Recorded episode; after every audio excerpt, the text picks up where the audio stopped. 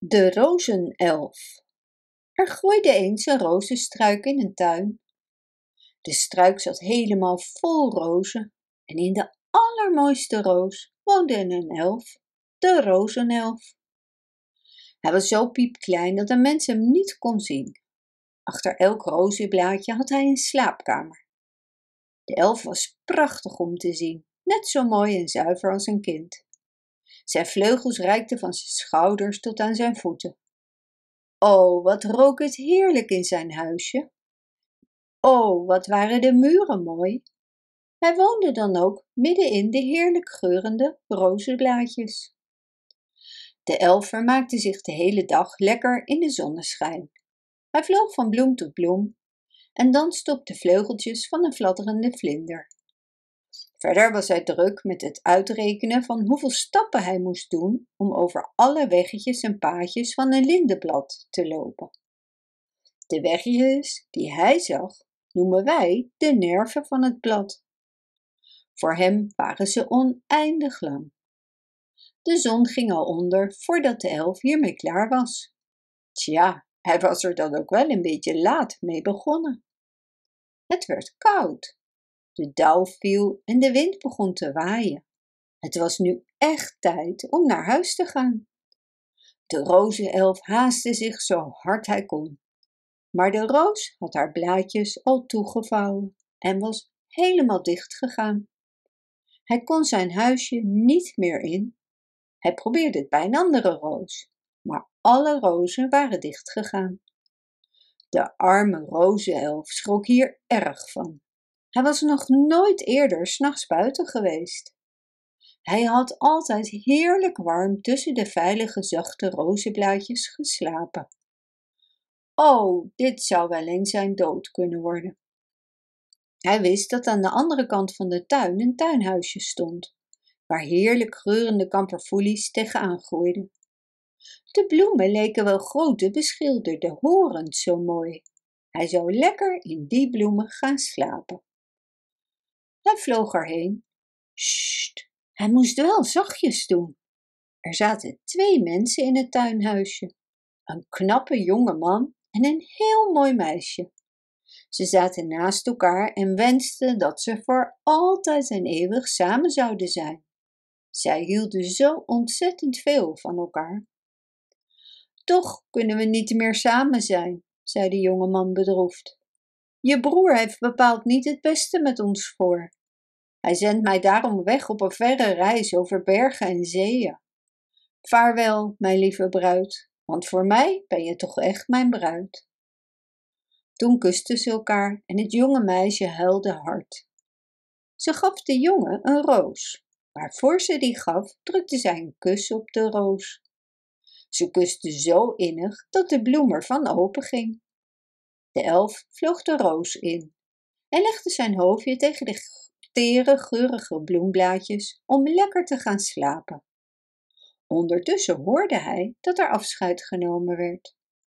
Vaarwel, mijn liefste, vaarwel, zeiden de knappe jongeman en het mooie meisje tegen elkaar. De elf voelde dat de roos tegen de borst van de jonge man werd gelegd. O, wat klopte dat hard daarbinnen! De elf kon er echt niet van slapen, zo hard bonste het kloppende hart van de jonge man. De roos lag niet lang tegen de borst. De man haalde haar tevoorschijn. En terwijl hij eenzaam en alleen door het donkere bos liep, kuste hij de bloem. Zo vaak en zo hartstochtelijk, dat de elf die in de roos zat, bijna werd doodgedrukt. Hij kon door het blad heen voelen hoe de lippen van de man brandden. De roos had zich zelfs door de warmte geopend net zoals de bloemen dat doen onder de stralende middagzon. Toen kwam er een andere man. Hij keek boos en deed naar. Hij was de boze broer van het mooie meisje. Hij haalde een scherp groot mes uit zijn zak. Terwijl de knappe jonge man de roos kuste, stak de boze man hem met het mes. Hij sneed zelfs zijn hoofd eraf. Hij begroef het hoofd en het lichaam in de omgespitte aarde onder een lindeboom. Nu is die jonge man vergeten en weg. Ik ben lekker van hem af, dacht de boze boer. Hij komt nooit meer terug. Hij moest tenslotte een lange reis maken over bergen en zeeën. Dan kan je best het leven verliezen. En mijn zuster durft me lekker nooit meer naar hem te vragen. Toen woelde hij met zijn voet door de dorre bladeren over de omgespitte aarde en ging weer naar huis in de donkere nacht. Maar hij ging niet alleen, zoals hij dacht. De elf ging mee. Hij zat in een verdoord, samengerold lindenblad dat op het haar van de boze broer was gevallen toen hij aan het graven was. De man had nu zijn hoed op zijn hoofd gezet. En het was erg donker onder de hoed. De rozenelf was enorm geschrokken van de afschuwelijke daad van de boze broer. En hij was ook heel erg boos op hem. Toen de man ochtends vroeg thuis kwam, nam hij zijn hoed af. Hij ging naar de slaapkamer van zijn zus. Daar lag het mooie meisje te dromen van de knappe jonge man van wie ze zoveel hield en die ver weg over bergen en door bossen liep. Tenminste, dat dacht ze. Haar boze broer boog zich over haar en lachte gemeen. En op dat moment viel het dorre blad uit zijn haar op de deken. Hij merkte het niet. Hij ging weer weg uit de kamer om zelf nog een paar uurtjes te gaan slapen. De rozenelf kroop ondertussen uit het dorre blad in het oor van het slapende meisje. Hij vertelde haar zachtjes, als in een droom, over de verschrikkelijke gebeurtenis. Hij vertelde haar ook over de plaats waar haar broer de man om het leven had gebracht. En verder vertelde hij dat het hoofd en het lichaam verborgen waren. De elf vertelde ook over de bloeiende lindeboom die daar stond. En hij zei: Je zult op je bed een doorblad vinden, zodat je weet dat dit niet gedroomd is. En toen het meisje wakker werd, vond ze het dorre blad.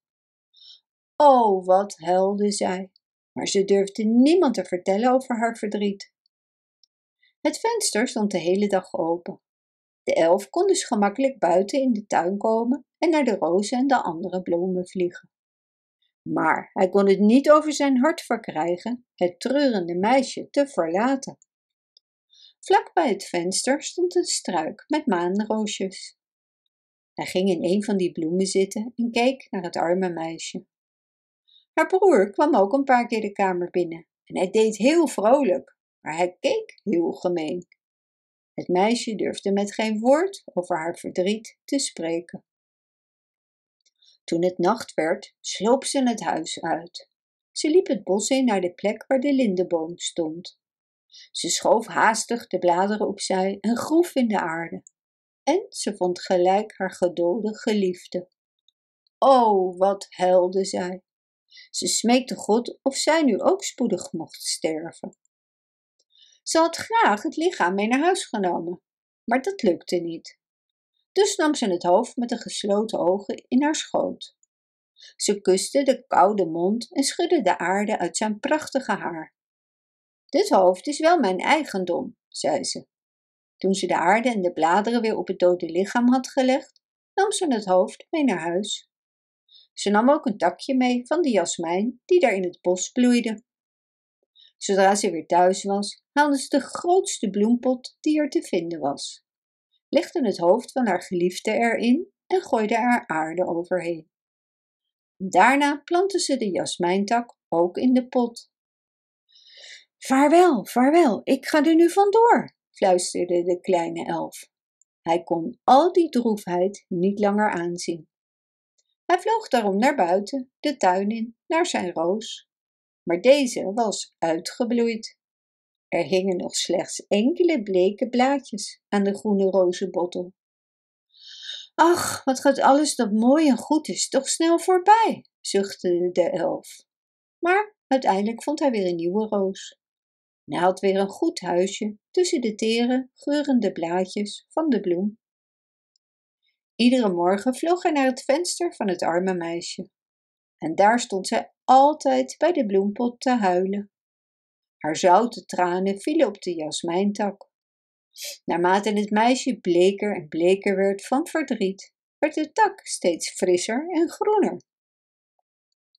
Het ene jonge takje na het andere jonge takje verscheen en er kwamen ook kleine witte bloemknopjes tevoorschijn.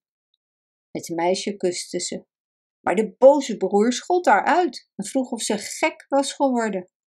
Hij begreep niet waarom ze altijd bij de bloempot stond te huilen. Hij wist niet wat er in de bloempot zat, behalve de plant. Ze legde vaak haar hoofd even tegen de bloempot aan om troost te vinden. En zo vond de rozenelf haar op een keer, slapend en wel. Hij klom weer in haar oor. Hij vertelde over de avond in het tuinhuisje, over de geur van de roos en over de liefde van de elfen. En zij droomde er heerlijk van. Terwijl ze droomde, gleed het leven uit haar weg. Ze had de aarde verlaten. Zij was nu in de hemel bij de man die ze lief had. De jasmijnbloemen openden hun grote witte kelken en ze geurden opeens wonderbaarlijk lekker. Dat was hun manier om verdrietig te zijn over het gestorven meisje. De boze broer keek naar de mooie bloeiende struik en besloot deze te bewaren als aandenken. Hij zette hem zelfs in zijn slaapkamer, dicht bij zijn bed. De struik was prachtig en rook heerlijk zoet. Nu moet je weten dat in elke bloem een bloemenziel woont. De elf vloog van bloem tot bloem en vertelde hen over de gedode jonge man die nu in de aarde begraven was. Hij vertelde ook over de boze broer en het arme zusje. Wij weten het hoor, zeiden de bloemenzielen. Wij weten er alles van. Wij zijn immers uit de aarde bij de dode man gegroeid. Wij weten hoe het zit. En ze knikte wijs met hun bloemhoofdjes. De rozenelf kon onmogelijk begrijpen hoe ze toch zo rustig konden blijven na alles wat er gebeurd was.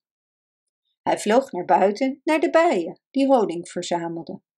Hij vertelde hen ook het verhaal van de boze broer. De bijen vertelden het weer op hun beurt aan hun bijenkoningin. En zij gaf het bevel aan de bijen om de volgende morgen de boze broer te doden. De nacht ervoor, de eerste nacht na de dood van het zusje, lag de boze broer vlak bij de geurende jasmijn te slapen. In de nacht hadden de bloemkelken zich geopend en waren de bloemenzielen tevoorschijn gekomen deze keer met onzichtbare, giftige pijlen. Ze gingen eerst bij zijn oor zitten en fluisterden hem boze dromen in.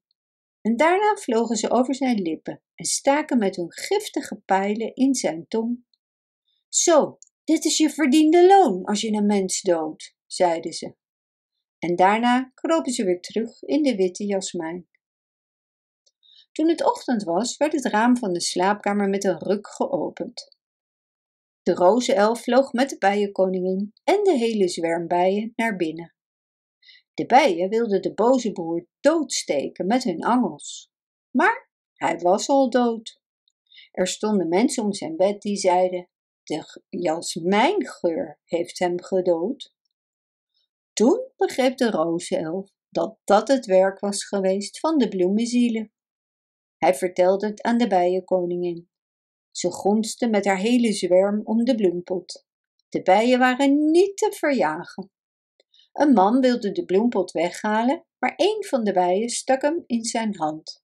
En hierdoor liet hij de pot in stukken vallen. Toen zagen de bijen het hoofd van de knappe jonge man in de pot en nu wisten ze dat de dode man in bed de boze broer was. En de bijenkoningin zoemde in de lucht en zong over de wraak van de bloemen, de wraak van de rozenelf. En ze zong ook dat er achter het kleinste bloemblaadje van elke roos een wezentje kan wonen, dat dit hele verhaal kan vertellen. Bedankt voor het luisteren. Wist je dat je dit verhaal ook op onze website ridiro.com/nl kunt lezen, downloaden en printen?